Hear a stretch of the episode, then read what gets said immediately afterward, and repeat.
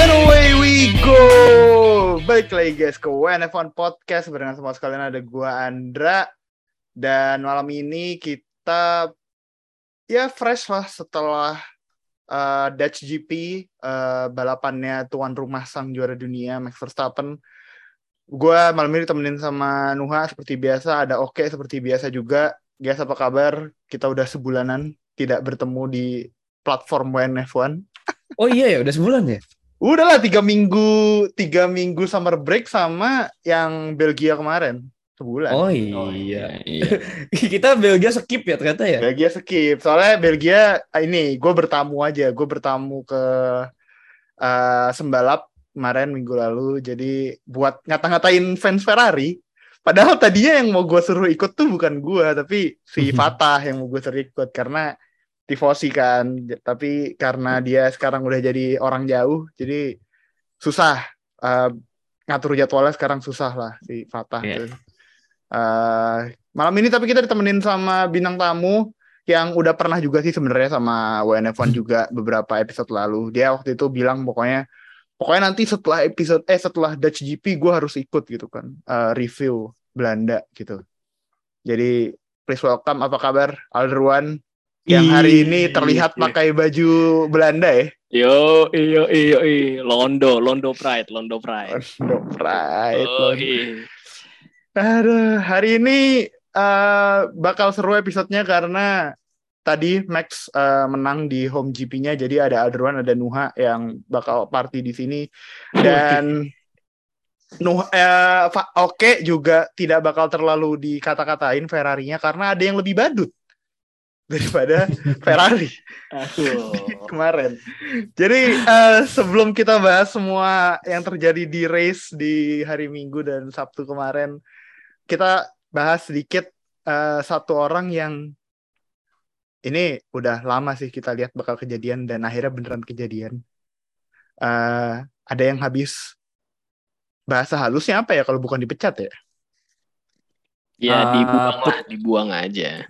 Restrukturasi, restrukturasi. Waduh, bahasa lu sih. Bener, ada yang kena restruktur, ada yang kena restruktur di dalam organisasi.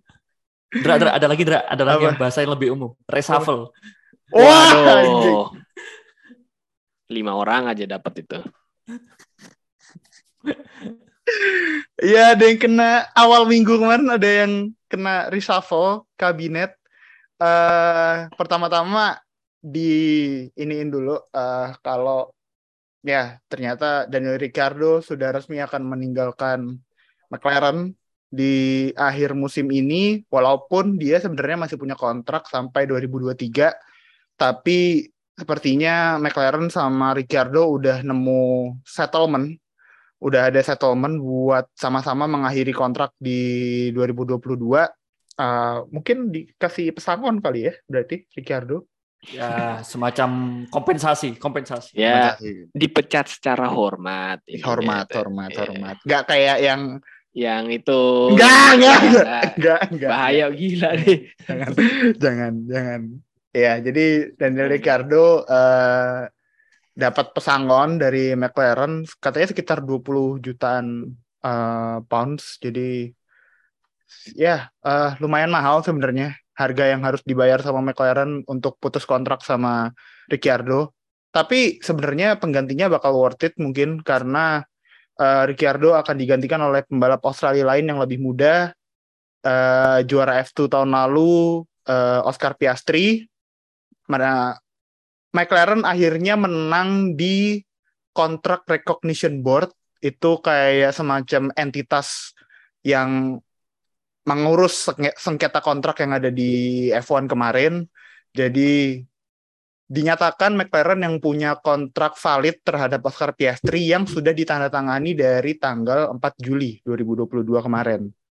Jadi uh, kontraknya sudah ditandatangani tanggal 4 Juli. Uh, Piastri bakal balap sama McLaren selama 2 tahun di 2023 sama 2024. Dan lucunya adalah ketika tanggal 4 Juli itu tanda tangan kontrak sudah oleh Piastri sama McLaren tanggal 13 Juli Ricciardo ternyata sempat-sempatnya bikin instastory kalau dia masih komit sama kontraknya McLaren. semacam kayak bikin narasi gitu ternyata. Ternyata kemarin dia bikin narasi dengan kondisi dia udah tahu kalau dia bakal digantiin gitu loh sama uh, sama McLaren. Jadi makanya alot diskusinya di situ. Tapi ya akhirnya kita udah sampai ke konklusinya Ricciardo bakal keluar dari McLaren dan belum tahu bakal lanjut di F1 atau pindah ke race lain atau bakal dapat tempatkah di tim baru di F1 dan Piastri udah pasti bakal jadi jadi tim yang paling muda mungkin ya di grid sama London Norris. Norris kan 23 kalau nggak salah 23 atau 24 gitu. Uh, Piastri nanti masih 21. So bakal jadi salah satu tim yang muda dan patut dilihat lah apalagi kalau McLaren bisa bikin mobil yang uh, mumpuni gitu buat dua-duanya. Right. Noh, Ricciardo, Ricciardo ke mana noh berarti noh habis ini noh. Jujur kalau secara subjektif gue, gue nggak peduli sebenarnya. Ah, let's go. Ini dia. Ini Karena dia. it doesn't matter mau Ricciardo mau ke mana pun juga, menurut gue dia udah habis. Jadi hmm. udah hmm. nggak hmm. seharusnya dia ada di F1 lagi, terserah dia mau balapan di mana, kayak mau di IndyCar atau mau di bahkan mau balapan di Indonesia pun juga silahkan kalau ada yang mau nampung gitu. Hmm. Cuman gue sih hmm. lebih menarik dari case-nya yang terjadi dengan Piastri sih menurut gue karena hmm.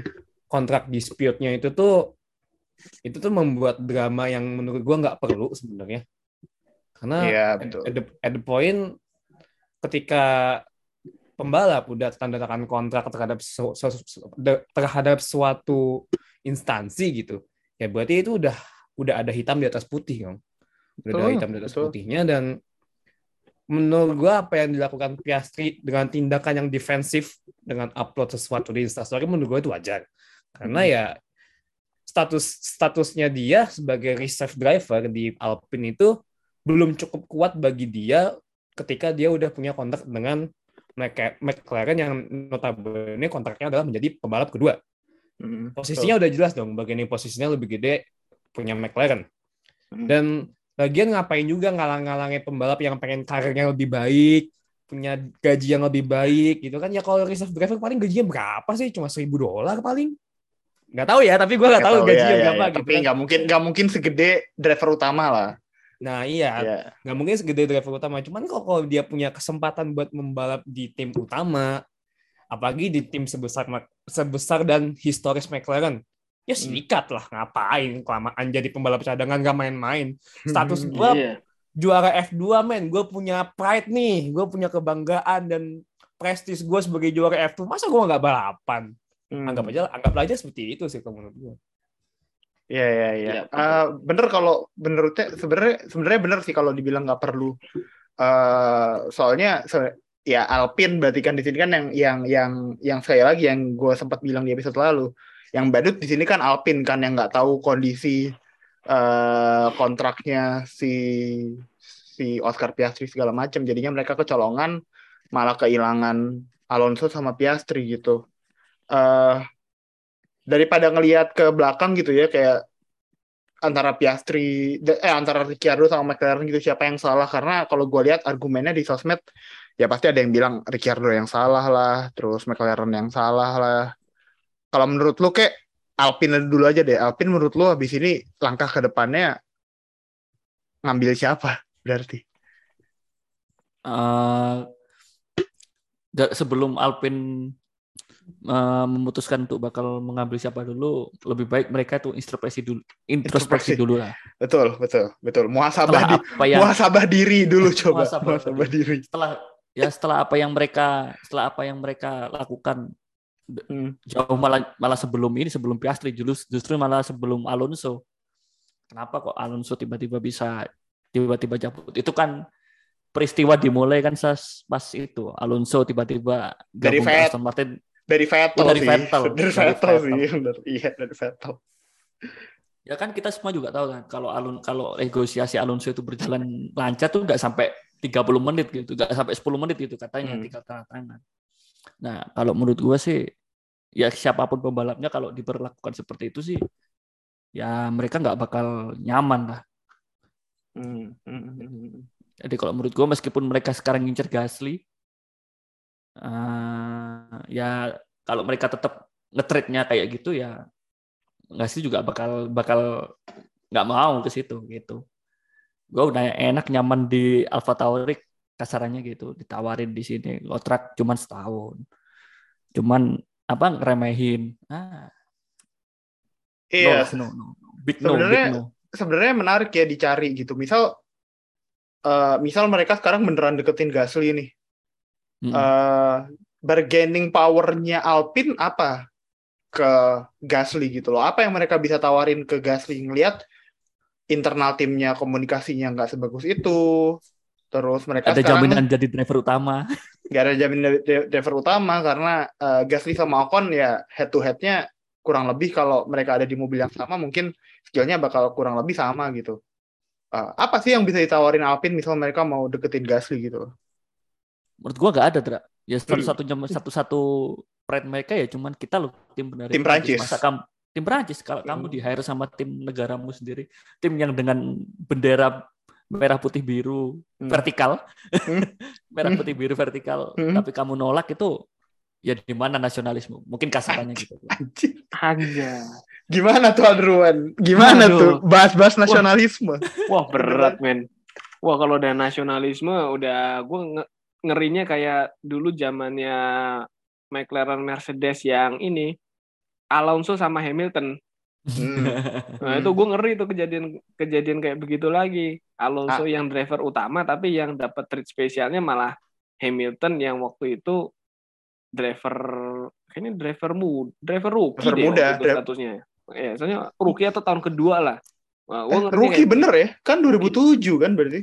Oh ya udah rookie ya. Udah, Ya, ah, rookie berarti kalau 2007. ya. Iya, tapi kan waktu itu langsung Alonso-nya ngambek gitu. Nah, harusnya sih ya si Alpine ya walaupun itu adalah referensi yang lama tapi ya dengan kejadian yang tadi udah dijelasin hati-hati aja ternyata masih ada ya kubu-kubuan negara di di tim Hmm, hmm, hmm. gitu.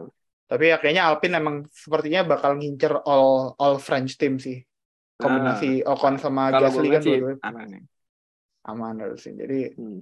nggak ada lah kayak gitu. Paling paling dia kalau dia nggak bisa yang Prancis ya mungkin orang Kanada ya ambil. nggak mungkin. Eh, Nggak yang Siapa? yang French, yang French, yang French.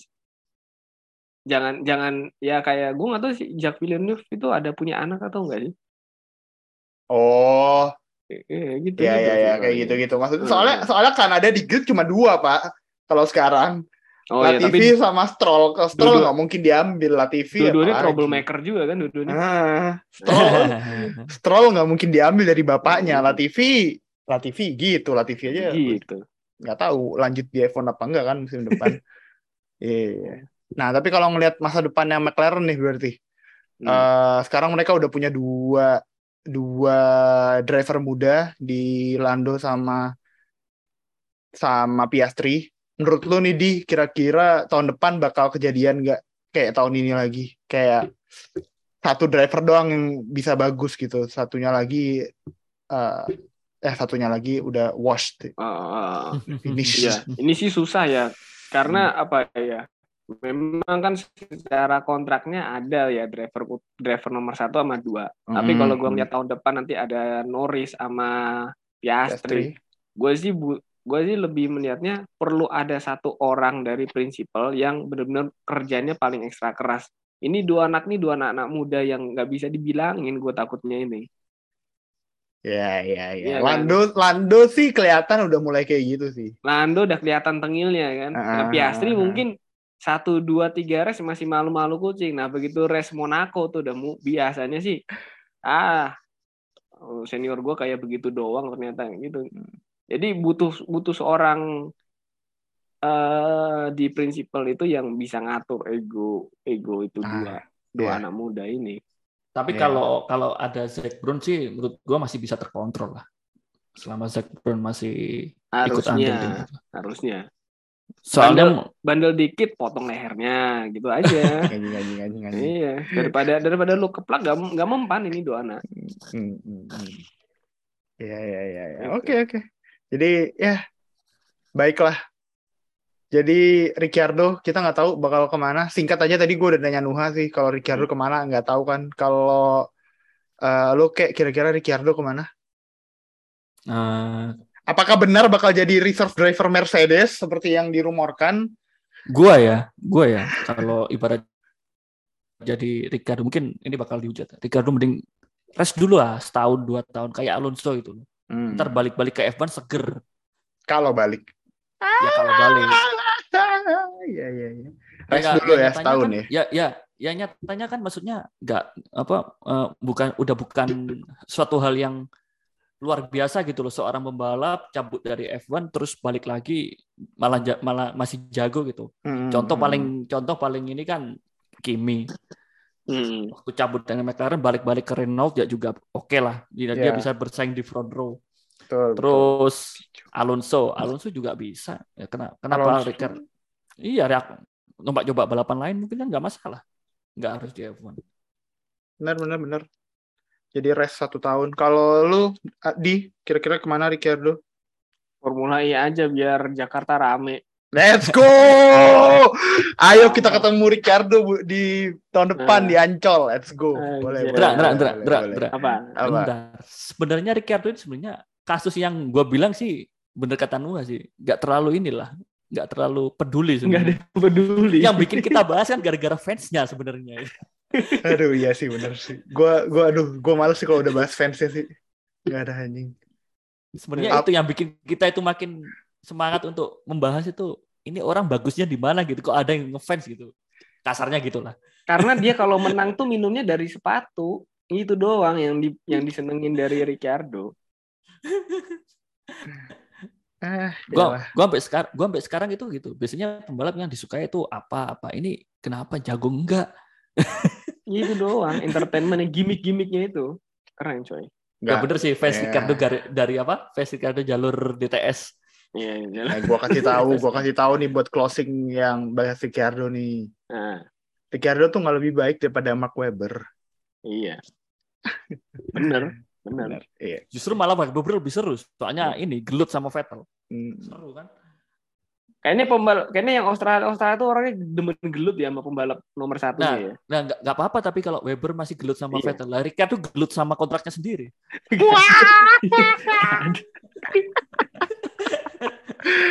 Oke oke oke oke. Mari kita sudahi pembahasan Ricardo karena dia nanti bakal lebih dapat dapat lebih banyak airtime di Netflix. Jadi kalian kalau mau lihat lebih banyak Ricardo ya langganan Netflix saya nanti buat nonton Daniel to Survive. eh kita bakal bahas race kemarin Dutch GP. Beberapa hal kejadian eh tapi satu yang pengen gue highlight adalah kenapa Mercedes punya pace sebagus ini. Noh, seperti yang kita sudah sering bahas di beberapa uh, episode-episode lalu, uh, Mercedes yang bakal lebih mengancam daripada Ferrari uh, di beberapa race ke depan dan kemarin di Belanda kelihatan gitu loh, satu yang paling uh, tim yang lebih mengancam daripada buat Verstappen daripada Ferrari ya Mercedes. Karena mereka dengan ban hard waktu itu kemarin uh, setelah pit stop itu mereka kalau Barry nggak ada nggak ada VSC atau safety car itu mungkin bakal bisa back P2 sama P3 bahkan mungkin bisa menang gitu loh Menang. Mercedes kemarin di Belanda. Noh, waktunya sudah datang buat Mercedes kembali ke atas. Lu worry nggak? Atau lu malah seneng gitu kayak kemarin Hannah Smith pas di sorot kamera malah senyum gitu ngelihat ngelihat Mercedes malah senyum. Mercedes Mercedes bagus gitu loh. Gue cukup senang ya karena akhirnya Red Bull kembali punya rival yang kompetitif lagi walaupun mungkin di setengah tak di setengah musim pertama gitu kayaknya tim merah yang bakal menjadi rival ternyata enggak karena kesalahan taktik taktik taktik taktik mereka sendiri gitu ya. Teknya salah mereka sendiri lah goblok gitu. Makin ke sini ya konsisten konsi- konsistensi Mercedes itu semakin nunjukin kalau mereka sebenarnya tim yang proper buat ngalahin Red Bull at least di musim ini lagi karena Hmm. kalau kita lihat kita lihat di musim ini aja itu sebenarnya masalah Mercedes itu sebenarnya cuma satu kalau menurut gua Hmm. yaitu Lewis Hamilton sebenarnya Oh, alright, Iya. alright, Bener, alright. bener. karena Hamilton ini menurut gua kayak post power syndrome aja gitu. Udah Hmm. post power syndrome kayak kayak presiden yang udah habis jabatan terus masih merasa berkuasa, ber- masih merasa menguasai negara gitu kan. Nah, tuh kurang lebih situasinya mirip seperti itu. Merasa ingin selalu diprioritaskan sama race engineer-nya. Kan Oke. seperti yang kita seperti di race kemarin tuh ya, Hmm. yang akhirnya Mercedes terpaksa melakukan double stack. Tapi akhirnya tidak jadi double stack karena Hamilton udah ganti ban lebih dulu. Otomatis yang harus lebih diprioritasin untuk masuk ke pit ya udah jelas George Russell karena bannya umurnya udah lebih lama dibandingkan Hamilton yang baru berapa baru berapa baru berapa belum lama Sem- dia waktu ganti beda pit. tipis sih sebenarnya tapi Iya, tapi emang tipis. emang bannya bannya Russell itu udah udah kehilangan grip entah kenapa jadi ya itu itu makanya dia eh, ganti ke soft pas terakhir Nah itu itu kan yang sebenarnya itu memang udah menurut gue udah kalkulasi sih karena memang pada akhirnya memang ada yang harus dikorbanin gitu dan Mm-mm. menurut gue kebijak kebijakan yang dilakukan untuk me- memilih Russell daripada Hamilton menurut gue udah tepat karena Hmm. ya mau gimana lagi gitu Hamilton udah diganti pit ganti mobil ganti ban duluan masa kalau misalnya misalnya nih Hamilton yang lebih diduluin buat buat masuk ke pit daripada Russell nanti kemudian race nanti Russell bannya habis Russell turun podium Hamilton juga turun podium karena kelamaan di pit. Alhasil Mercedes gak dapat apa-apa juga. Iya.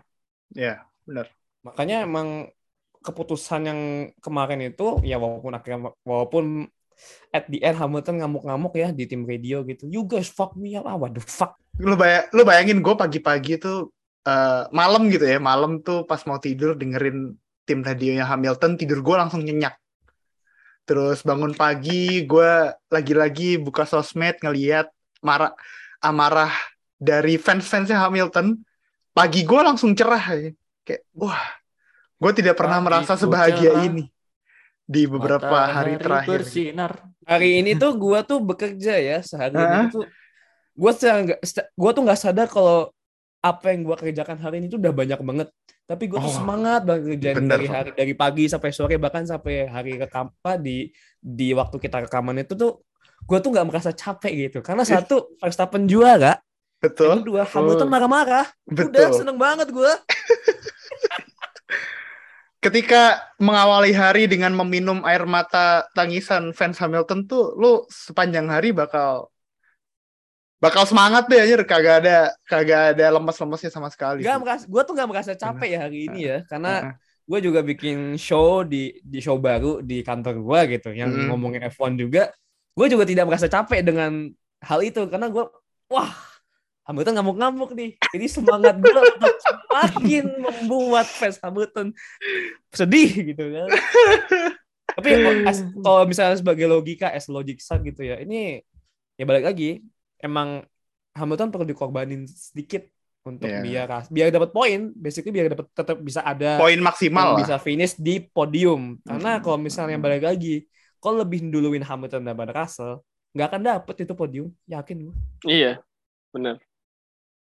Ya, ya, benar benar benar. Benar. Jadi kalau kalau kalau kita misalkan ya, misal misal Mercedes punya mobil Ferrari gitu dari awal season deh. Menurut tuh season ini bakal lebih seru apa enggak dari awal? Ya ya seru seru between Red Bull sama Mercedes dengan mobil Ferrari aja sebenarnya. Karena karena kalau Ferrari dengan mobil Mercedes dengan ditambah strategi bapuk ya udahlah. Lo tau Fer- apa, Ferrari apa kalian? Nah, kalau Ferrari dengan mobil Mercedes tahun ini itu battle-nya sama Alpine sama McLaren, Pak. Nggak sama Red Bull sama Mercedes, nggak sama Red Bull sama Mercedes. Udah mau mobilnya bapuk, strateginya tambah bapuk ya. udah. Nah, Iya. makanya nah itu ya udahlah.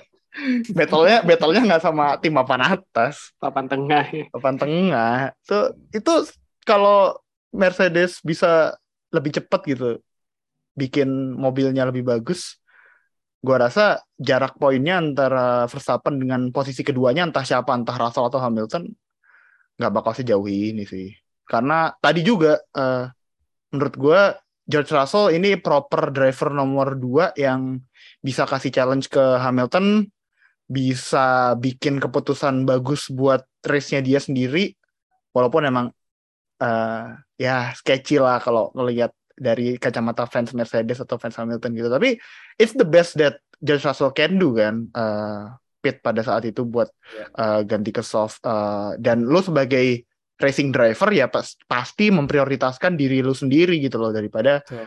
teammate lu terutama daripada teammate lu sih karena teammate lu tuh orang yang paling pengen lu lu lawan Kalahin. gitu loh orang yang pengen pengen lu kalahin Enggak, maksudnya gini. Maksudnya gini, beda reaksi waktu gimana caranya George ngerespon Verstappen ganti soft sama dengan Hamilton waktu tahu kalau Verstappen ganti soft gitu loh. Hmm. Itu kan beda banget gitu. Kalau kalau Russell kemarin kan Verstappen tahu ganti soft, dia langsung minta soft itu. iya benar dia Gitu langsung loh. minta Heeh, maksud maksud maksudnya ya ya meskipun itu waktu Russell waktu gimana ya waktu Hmm. ibarat waktunya Russell dia udah nggak nutut pindah nggak nggak nutut apa ya udah lewat pit stop udah lewat Hmm. pit entry Mm-mm. gue yakin Russell juga nggak bakal nyalahin krunya buat bilang apa namanya you fuck me up with this Aduh, Ya, iya, iya. namanya- kan gua bilang post power syndrome udah kayak presiden yang habis yang udah nggak bisa jabat negara Iya. merasa, merasa paling istimewa padahal udah padahal udah harusnya tuh dia ya udah ongkang-ongkang kaki aja menikmati hidup ini malah masih balapan bingung 2007, 2022 berapa ya? 15 tahun ya? 15 tahun 15 tahun. Iya udah dua periode mah mau tiga sih. ya itu pak ah, menurut gue sih parah aja sih bisa bisanya dia ngeblame segitunya ke Tim. ke timnya gitu loh. Hmm. Menurut gua sih ya kalau kalau dikatakan Mercedes blunder ya nggak sepenuhnya blunder sih. Iya. Ya safety car siapa sih yang mengharap safety car yang pertama itu? Dan biasanya Mercedes ini kalau safety car siap banget gitu. Soalnya soalnya kalau kalau kalian nggak atau nggak pasti di salah di strateginya Mercedes pasti diselipin itu strate- strategi waktu safety car ah oke pasti. Gitu. iya iya iya Dan ini gua gua barusan nemuin ini kan lagi share screen nih. Nah, Hmm. ini nih di- dibaca nih. Apparently Hamilton was accidentally in the wrong power unit mode for the restart. Loh. Dia dia saking sibuk ya ini saking sibuknya nyalahin dia sampai gak fokus ke mobilnya gitu loh. Hmm. Bisa bisa kelihatan sih dari sini kan. tapi ya aneh sih that's eh rada aneh lah maksudnya apa yang dijadiin respon gitu sama Hamilton. Tapi di lu kalau jadi strategi Mercedes tadi gue juga nanya ke eh, Twitter gitu. Menurut lu lu kalau jadi strategi Mercedes lu bakal lakuin hal yang sama atau lu mungkin ngelihat eh, harusnya bisa lebih baik lagi dan apa yang bakal lu lakuin gitu loh? Pas eh, situasi safety car kemarin. Jadi gini, kita kan ada dua safety car ya di balapan Belanda kemarin. Ada Ya. virtual safety car karena si Yuki, Yuki ada satu yang Botas. Nah, kalau gue lihat kemarin, kalau gue kemarin lihat strateginya Mercedes, sebenarnya itu eh, yang virtual safety car-nya Yuki itu udah bener. Oh iya itu itu pinter banget menurut gue. Itu itu bener. Itu pinter, itu pinter banget. cerdas. Mereka Nah, mereka mereka masuk uh, buat ganti ke medium pas si Verstappen ganti ke hard tuh Hard, iya. anjir deg-degan banget gue pas itu bagus banget soalnya itu itu beneran bagus. hmm, nah kalau pas kalau kita waktu itu berharapnya udah nggak ada apa-apa lagi, itu bakal rame itu balapan sampai Hmm. last lap. Nah cuma eksidensialnya itu adalah yang di Botas. Nah Ah ya botas. yang pas Botas itu sueknya adalah safety car-nya itu lewat pit. Nah, Oh ya. It- jadi ku- momen kuncinya itu di situ. Jadi eh, memang tadi si Oke udah bener ya bahwa eh, Russell itu udah ngeliat, wah ini Max pindah soft, wah gue juga pindah soft deh gitu kan. Hmm, hmm, hmm, Sebenarnya kalau kita boleh, kita nggak usah terlalu seuzon sama Hamilton. Hamilton tuh pasti mau juga, hmm. pasti mau. Pasti mau, Iya, pasti mau. kan. Bener. Tapi permasalahannya di sini adalah eh, nggak mungkin dilakukan double stack pada saat pit eh, safety car tuh lewat pit. Mau bikin macet.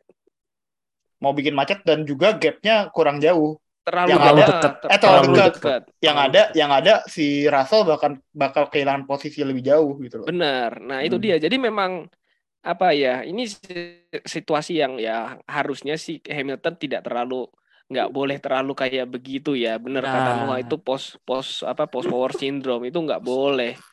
Mercedes itu udah melakukan segala yang terbaik. One stop strategi mereka itu udah benar karena ada safety car. Mereka ada backup strategi itu juga udah benar ya sekarang ya benar kata oke. Ya nggak nggak ngebadut juga sih Mercedes itu. Mereka tuh emang kesuainya itu karena ada safety car yang dari pit itu loh. Itu yang benar-benar uh, agak gambling. Nggak kayak tim yang pit stopnya nggak nyiapin satu ban nggak Aduh, boleh gitu tuh Nanti kita bahas ini emang Ada tiada sendiri. hari tiada hari tanpa membahas tim Ferrari gitu. Iya, jadi udah apa namanya memang sudah gua akan melakukan hal yang sama gitu loh. Hmm. Siapa pembalap yang lebih tahu kondisi itu yang gue prioritasin. Iya, sebenarnya sebenarnya jadinya gini sih. Maksud gue dari dari percakapan kita sekarang gitu. Mercedes tuh nggak kelihatan badut karena apa yang dia lakuin benar. Eh, udah benar. Ini lebih ke bukan Mercedesnya badut tapi lebih ke George Russell yang pinter menurut Iya. gua. Ya, ya. Dan setuju. emang gini, emang nature-nya orang tua tuh gitu. Kalau misalkan nggak sesuai harapan, dia pasti akan cari-cari salah. Nature-nya kan emang kayak begitu. Kalau kalau nature fansnya gimana, Pak? Kalau nature fans-nya gue rasa sih udah harusnya udah pada tobat ya. Masa kejayaannya lu tuh udah habis gitu loh. Udah udah waktunya tuh Russell tuh pembalap nomor satunya Mercedes. Kalau misalkan masih dengan squad kayak begini, Russell itu satu atau dua tahun lagi itu udah pembalap utama. Gitu. Selain di Inggris, Russell masih belum finish di luar top 5 anjir. Nah makanya kan hebat kan nih anak satu kan. Beda, emang bedanya orang. Emang. Ya semua semua kan kan kalian juga harus tahu gitu. Russell itu buat mencapai ke ke level sekarang ini itu tidak melalui jalur dalam tanda kutip orang dalam. Dia benar-benar melalui rintihan dan penderitaan loh Betul. Williams. Rinti- Rintihan Williams, benar. Brendan William iya. Dan dan kalau dia benar-benar sejago ini di Mercedes ya bukan sesuatu hal yang luar biasa menurut gua. Dan emang emang Russell jago gitu loh. Dan di mobil yang benar. Dan gua ya. eh, ya. Iya. Dan Cuman di waktu yang salah aja ini Oh, ini. iya. Ag- lagi ya, agak aja. kecepatan sih. Ke kalau misalkan Iya. Hamiltonnya udah out, gua rasa tuh Russell penantang bener-bener penantangin itu. Udah penantang. Mercedes juga udah tahu kalau me- apa Russell tuh penantang, cuma fansnya aja yang nggak mau nerima. Masih Hamilton sentris ya. Iya. Hamilton sentris siap. Masa iya eh, strategisnya Red Bull si The Queen Hannah Smith, May God save the Queen eh, Hannah Smith eh, dikata-katain di Twitter kan. Eh, eh, eh, ngomongin ngomongin gua ngomongin itu ya. Kan gua baru pertama kali ngelihat Hannah Smith di shoot di di live gitu loh ya. Maksudnya Hmm, hmm. lo tahu nggak reaksinya waktu VSC, waktu Mercedes ganti ke medium? Dia cuma senyum-senyum aja, nggak ada pusing-pusingnya bangsat ini orang. Emang. Iya itu mereka dia Iya. senyum karena ngerasa akhirnya gue punya lawan sepadan nggak lawan Ferrari mulu. Tapi emang emang bener sih. Ya tim strategisnya Red Bull sama Mercy mah udah udah jempolan deh. Gini gini Dra, Eh, Hmm. kalau ngelihat Hannah Smith kemarin responnya kayak gitu, strateginya Ferrari, strategisnya Ferrari kayak kelihatan kayak anak SMK magang anjir. Iya. emang. Iya. Emang. Ya mungkin anaknya saya magang mungkin lebih pinter daripada strategi Ferrari. Ah, Nah, terus kan gue tadi barusan sebelum rekaman kan gue main kan, main F1 Manager Hmm. lagi di Spanyol. Gue kerasa bisa lebih pinter anjir. Gue ngerasa ini Gua- langsung langsung lu screenshot hasilnya, lu screenshot uh, segala macamnya, lu bikin portofolio terus lu apply deh. Apply-nya tapi jangan ke Ferrari. Ya bener juga. Iya. Gua gini, gua gini masalahnya. Leclerc pole. Sense sense gua kejebak di 10 kena traffic. Gua Hmm. salah ngeluarin pas ngeluarin mobil waktu sense. Ya sense-nya gua taruh di hard aja. Ternyata dia bisa nyalip, cuy. Ya itulah kalau ngomongin Ferrari mah eh apa ya? Maksud gua gue udah mulai ngerasa Ferrari ini ngelakuin segala macam blunder nih sengaja demi dapat obrolan gitu loh, demi dapat attention dari Ya Orang-orang. orang. Mm-mm. Anjir, gak penting banget anjir. Karena mereka nggak bisa menang. Kalau mereka bisa menang, mereka bakal pasti diomongin orang. Tapi karena mereka nggak bisa menang, mereka mencari cara lain buat diomongin Dra, orang. Dra, gini, Dra, gini, Dra. Masalahnya menang itu kan hasil akhir ya masalahnya. Ah, Menang ah, podium, posis, finish position. Tapi kalau kalau kita nggak nggak balapan dengan benar itu apakah kita bisa? kan masalahnya itu lah Ferrari ini aja balapan balapan aja nggak benar gitu loh. Terus terus apa yang mau dicapai kalau nggak gitu kan gitu. Dari hati banget ngomongnya PTW. Gua gua sekarang lebih seneng kalau Ferrari main bener dulu lah, berapapun posisinya lah. Yang penting mobil finish, ganti ban bener, udah terserah lu mau podium mau podium kayak mau juara kayak terserah. Yang penting balapan dulu yang bener. Aduh. gue sampai gue sampai gue sampai speechless dengerin rant dari fan Ferrari ini tiap minggu selalu lucu. Anjir, bengkel shop and drive aja masih montirnya lebih pintar dari montirnya Ferrari gue. Eh tapi at least tapi at least fans Ferrari nyadar lah timnya bapuk bukan kayak fans Ricardo gitu nggak sadar Oh, kok iya. bapuk. Oh benar. Iya itu benar. Itu harus gue akui itu. Seenggaknya seenggaknya kita masih lebih normal lah. Kembali lagi saya setuju dengan anda ya. Benar eh, benar sekali apa yang anda bilang tadi. Ya ya oke lah. Kalau Ferrari mah nggak usah diomongin rame- banyak-banyak nggak usah diomongin banyak-banyak. eh mari kita omongin yang menang.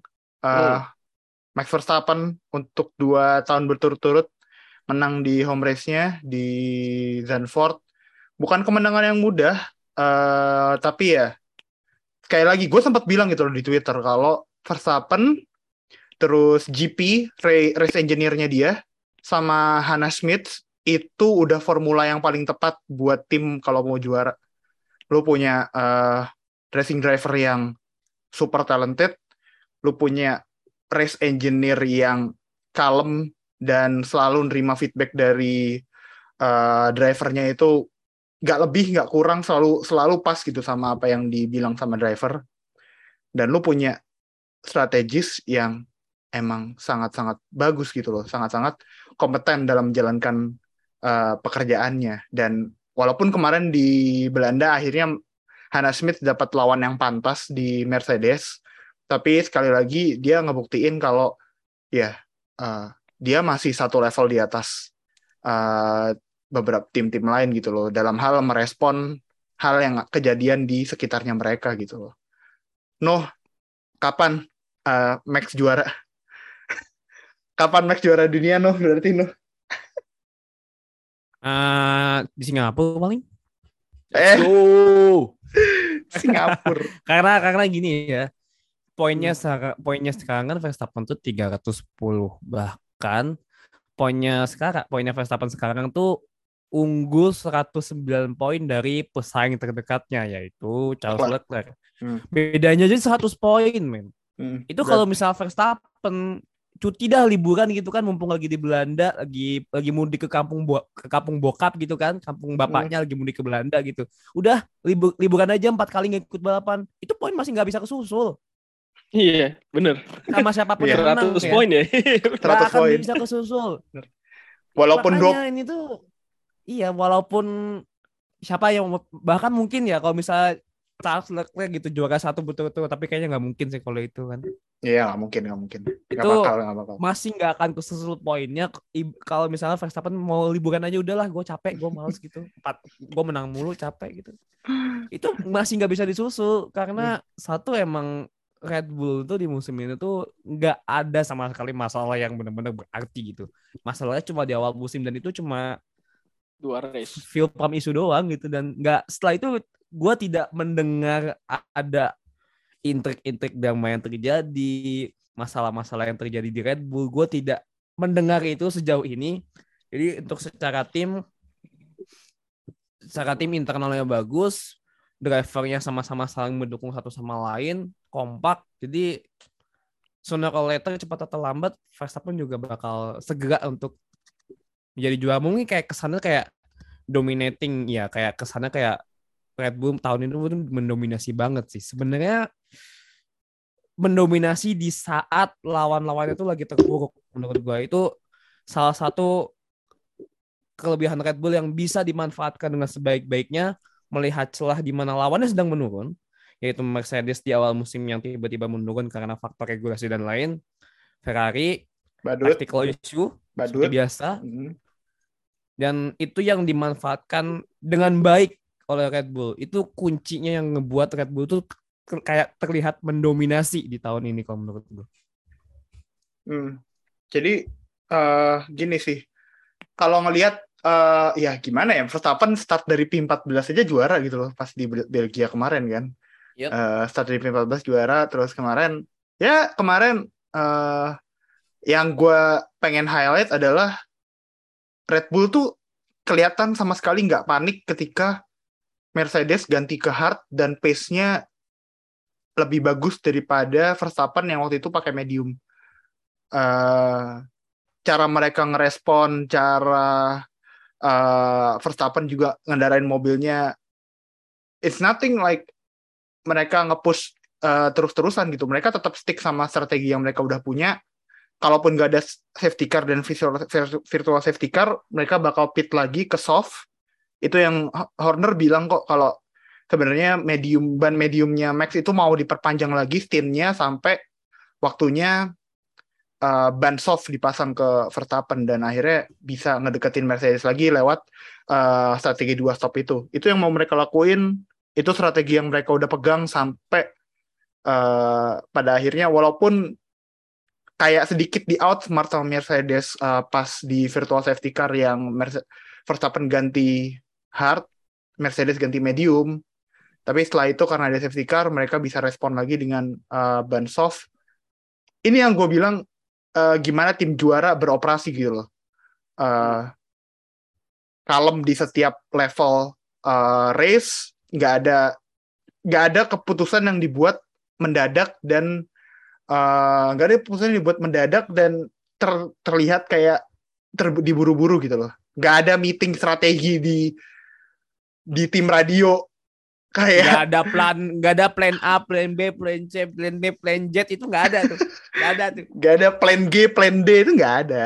Uh, walaupun ada ya, uh, pasti itu juga udah di udah dikomunikasikan gitu loh sama drivernya. So I think menurut gua dua minggu ini nih jadi pembuktian kalau Red Bull sama Verstappen tuh ada di level yang lain gitu di antara semuanya. Walaupun Mercedes bisa deketin secara pace di hari Minggu, Ferrari juga secara pace di qualifying selalu bisa ngancem Red Bull. Tapi when it comes to making the tough decision, making the hard decision when the race is on, buat gue Red Bull selalu satu level di atas uh, tim-tim lain sih. Uh, makanya itu buat gue, kalaupun mereka juara musim ini dan mungkin di Singapura bisa, it's it's it's really well deserved. Uh, trofinya bisa dikasih, harusnya trofinya dikasih kemarin sih, mumpung mereka di Belanda sih sekalian Hmm. aja gitu kan. Kenapa nggak di Singapura aja gitu biar yang Biar oke, no? biar pada, biar Iya, biar pada nonton. kan. Iya biar nonton. Nah, justru itu makanya Biar lo nonton ya kayak. ntar tulisan WN, salam dari WNF gitu. Anjay. Gua buat gua bawa, gua bawa tulisan gitu habis itu. ya tapi kalau lo eh di kalau lo ngelihat eh, Red Bull yang kemarin di Dutch GP apa menurut lo yang mungkin mungkin nggak banyak ya tapi apa menurut lo yang bisa mereka improve di beberapa race ke depan Ya, oke. Jadi gini, eh gue kalau melihat Red Bull kemarin di GP Belanda tuh, gue agak khawatir sebenarnya sama Max Verstappen ini belakang. Karena gue nggak tahu nih, Verstappen untuk menang itu kok kayaknya lebih gampang kalau dia start dari belakang daripada di nomor satu. gue nggak tahu tuh. Fe- Feeling feeling gue kok kayak begitu. Karena di eh, di mana tuh di Hungaria, di Hungaria tuh hujan ya. Hungaria Di, tuh di Hungaria hujan. enggak kering qualifyingnya yang hujan Oh, qualifying hujan. Tapi udah Ah. mulai ini ya di akhir-akhirnya ya kalau nggak salah ya. iya di akhir tuh udah Ah. mau udah mau hujan Udah mulai. Terus kemudian di Spa panas. Artinya Max ini start dari belakang di dua situasi balapan yang agak beda, tapi dia bisa menang. Dan gua nggak tahu kenapa lebih gampang aja gitu loh. Dan Hmm. tetap yakin gitu. Gue ah ini menang kok, ini menang kok, ini menang kok gitu. Tapi begitu kemarin di GP Belanda kayak ketar-ketir, masih ada ketar-ketirnya loh gue. terancam ya Eh, merasa Iya terancam agak terancam ya. Red Hmm. Bull tuh kok eh Red Bull. Mercy itu kok bisa eh, sekencang itu ya kan dan Hmm. pada saat mereka eh, gua ngeh oh ini kayaknya Mercy dapat what apa akan bikin one stop one stop strategy. Mm-mm. Itu gue yang udah ketar-ketir karena gini, pas one stop strateginya si Mercy ini udah jalan, gue ngelihat Max Verstappen ini agak terlambat untuk respon loh. Dia kalau misalkan Oke, telat oke. sekian lap sedikit ya, dua tiga lap lagi itu, gue rasa juga udah nggak menang. Kalau balapan Hmm. normal, ya. Mm, mm, mm, mm. Gitu, gitu, gitu sih. Ya bahkan gue kan ngom, gua kan nonton sama adik gue. Adik gue tuh kan ya lu tahu sendiri ngomongnya kan lebih parah daripada gue kan. Dia bilang goblok Max Verstappen kenapa nggak langsung P2 juga sekarang gitu. Dia sampai bilang kayak gitu. Oh, Iya. oh, alright. Karena, karena karena bahaya di di apa Mer- Mercedes kemarin itu udah benar-benar bisa menjebak, benar-benar bisa menjebak Red Bull gitu loh. Ya. Tapi tapi gue nggak tahu yang menang siapa ya nanti ya antara Russell atau Hamilton ya gue nggak tahu. Gitu. Tapi yang penting Mercedes, Satu dua bisa loh itu. ya ada ada Hmm. kesempatan one two. Bener, gua gua juga ketar-ketir di situ. Hmm. Eh, sebagai fans Max sendiri karena ya lumayan Mercedes lumayan punya pace-nya di ban hard gitu. Eh, Hmm. Mereka bisa banget eh, one two karena satu ini tracknya lumayan susah buat overtake dan pas nanti Verstappen harus pit buat eh, ganti ke ban soft, mereka dia harus ngelewatin dua dua mobil gitu loh. Nggak cuma satu tapi eh, dua-duanya Mercedes harus dilewatin di track yang lumayan susah buat overtake. Gue sedikit balik lagi gitu loh ke Mercedes karena kema- tadi gue lihat juga ada satu argumen yang bilang Mercedes harusnya dua-duanya stay out tapi gue rasa ini argumen yang lumayan ya gue bilang lumayan cukup bodoh sih karena Bodoh lah nggak mungkin tuh. karena kalau Mercedes dua-duanya stay out pas eh, safety car kemarin dan Max pakai ban soft mereka nggak bakal Leclerc juga pakai ban soft btw dicatat juga Iya. mereka nggak bakal kehilangan one two mereka nggak bakal cuma kehilangan one two tapi mereka bakal kehilangan Podium dua dan hilang. tiga Iya, hilang. Eh, pada akhirnya Mercedes terbaik itu finish 3 dan 4 karena Verstappen sama Le- Leclerc on paper mereka bisa overtake eh, dua mobil itu di ban yang nggak yang nggak baru gitu loh. So ya yeah, kalau saya out sih buat gue bukan pilihan buat Nggak, nggak Mercedes. pilihan. Hmm. Iya. Karena bannya bannya kalau gue kemarin sempat lihat itu kan bannya medium Mercedes itu pas safety car-nya Bottas itu kan udah keburu dingin lagi ya. Mm-mm, mm-mm. Nah, itu bakal ya dibantai pasti kalau mereka stay out. Dibantai, Pasti. dibantai di late run, eh di late lap. Eh, Mercedes sebenarnya eh Mercedes sampai Max Max sebenarnya itu Mercedes kayak gitu kan gara-gara Max ini eh, masuk masuk eh, ke soft. Mungkin mereka mikirnya Max gak bakal masuk gitu aja sih sebenarnya. Makanya kan waktu di putaran pertama kan mereka nggak ngepit, mereka masih stay out dua-duanya itu. Hmm. Eh, Mm. Eh kok ya sih, dua-duanya stay out ya, stay out ya. Baru yang putaran kedua ya, Yang mana sih? yang waktu botas, yang waktu botas. Yang, Yang stay out duluan. Yang stay out duluan itu dua-duanya apa Hamilton Hamilton aja yang stay out ya. Hamilton aja. Hamilton karena aja ya. aja. ha-ha, Hamilton aja. Iya sih, ha, itu ha, benar berarti harus korban satu. Mm. Gua gua gua ngiranya itu mereka stay out dulu satu putaran enggak ya? Enggak. Eh, stay out dulu satu putaran, benar. Nah. Baru pas baru pas safety car lewat pit, eh, Russell pit. Nah, ya. itu ha, ha, ha. ya udah. Ya ya itu, itu sih sebenarnya mereka mungkin mikir kalau Max nggak bakal ganti gitu sih. Gue sih kayak saat, apa, kepikiran gitu aja makanya mereka Mercedes kenapa nggak stay out aja. Dan, dan mungkin pertimbangannya adalah tadi Zandvoort titik titik overtake-nya nggak banyak gitu aja Hmm. sih sebenarnya. Mhm. Ya itu alasan yang logik tapi tidak inilah tidak realistik lah. Hmm, Hmm. Oke, Logik tapi nggak realistik. oke. Eh, Monza, ya Aduh. eh, track yang lurusan.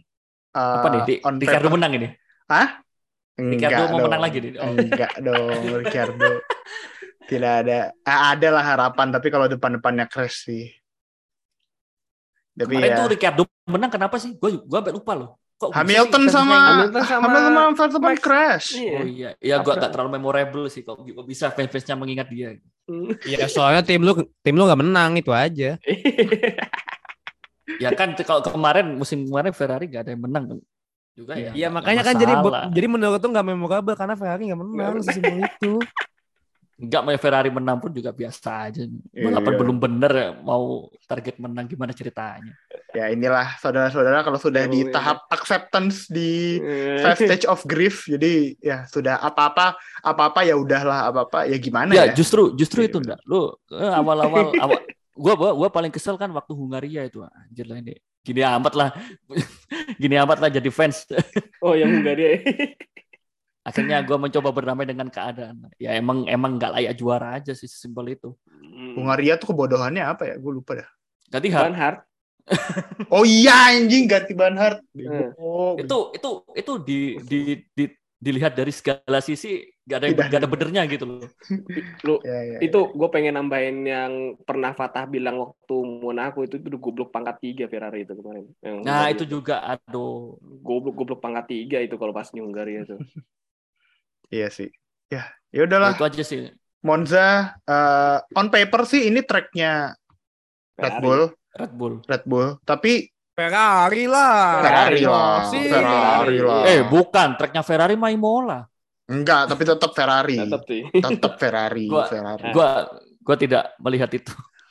Tetap Hmm. Ferrari bakal eh, ini tsunami trofi, tsunami penonton di Hmm. Monza, ya kan? Nangis semua habis itu tapi. Ntar ntar ntar ntar Tsunami bawa air flare- mata. ntar, ntar bawa flare orange juga nggak apa-apa. Flare orange wah. Wah. Yang gua menarik sih sebenarnya Mercedes sih kalau lihat Hmm. Monza karena ya banyak yang bilang Zandvoort itu kenapa Mercedes bisa bagus karena tracknya cocok sama mobilnya. Jadi mobilnya mereka tuh lumayan track spesifik lah. Tapi ngelihat yang Spa kan mereka ketinggalan jauh. Terus itu power track juga dan Monza kan juga power track. Jadi gua lumayan pengen lihat Mercedes ini apakah mereka bener udah masuk ke contention buat juara atau mereka masih track spesifik gitu loh mobilnya. So ya emang emang bakal jadi race yang penting buat tiga tim ini. eh gue mau menutup ini episode ini dengan satu pernyataan yang mungkin nggak banyak orang lihat kalau 8 dari 8 dari 9 race terakhir Aston Martin itu finish di poin. Jadi itu satu konsistensi yang menurut gue patut dibanggakan juga dari timnya Papa Stroll. Eh gua gua soalnya lumayan sedikit yang ngebahas eh ngelihat performance-nya As- Aston Martin di awal season nggak terlalu bagus. Eh begitu mereka udah dapat qualifying-nya mereka nggak pernah bagus kalau menurut gue. Eh banyak nggak lolos Q1, tapi race pace sama strateginya mereka selalu bagus dan strateginya selalu lebih bagus daripada Ferrari sih. Hmm. Strateginya nggak pernah ada yang miss out kayak bakal kayak gimana gimana. Makanya mereka eh, di hari Minggu mereka selalu hampir selalu bisa finish di top 10. So ya kudos buat Aston Martin. Salah satu tim yang buat gue sih underrated lah musim ini. Eh, based on their race pace sama strategi segala macam. Oke, jadi mungkin itu aja review dari Dutch GP eh, malam ini. Eh, minggu depan kita bakal ketemu lagi karena home race-nya oke. Eh, dan semoga Fatah juga udah bisa join. Jadi Ferrari kita, tim Ferrari kita lengkap di eh, Mon- review Monza besok. Thank you buat Nuha, thank you oke siap, udah siap buat join. dibully Andra ya. Siap buat dibully, bener. Siapkan kata-kata Siap. terbaik kalian. Siap mental. Siap mental. Siap kata-kata siapkan kata-kata terbaik kalian. Oh, Oke. Thank you, Noha. Yup. Thank you Nuha, thank you Oke udah join di hari ini. Thank you juga Alderwan sudah Yeah. jadi. Mungkin lu di beberapa race ke depan bakal ada panggilan lagi sih. Jadi siap-siap aja sih. Kalau gini gini boy, gini boy. Kalau gua ya, Lu lu boleh manggil gua kalau rating race-nya itu udah yang paling tinggi, terutama Singapura ya. Oke, boleh. Ya, ya. Ah, manggil Kalau- doang. Manggil doang Siap. agak datang lu. Manggil doang agak nonton lu. Nanti Eh, coy, itu di- itu di cancel sama maskapai ya anjing lu. TMI, TMI, TMI. Emang. Oke, nanti lah kita siapkan agendanya kita siapkan ya Siap, agendanya. siap. Nah, Oke. Thank you juga buat semua yang udah dengerin. Uh, jangan lupa follow sosial media kita di Instagram, Twitter, sama TikTok at Official. Uh, we'll see you guys in our next episode. Bye guys. Bye.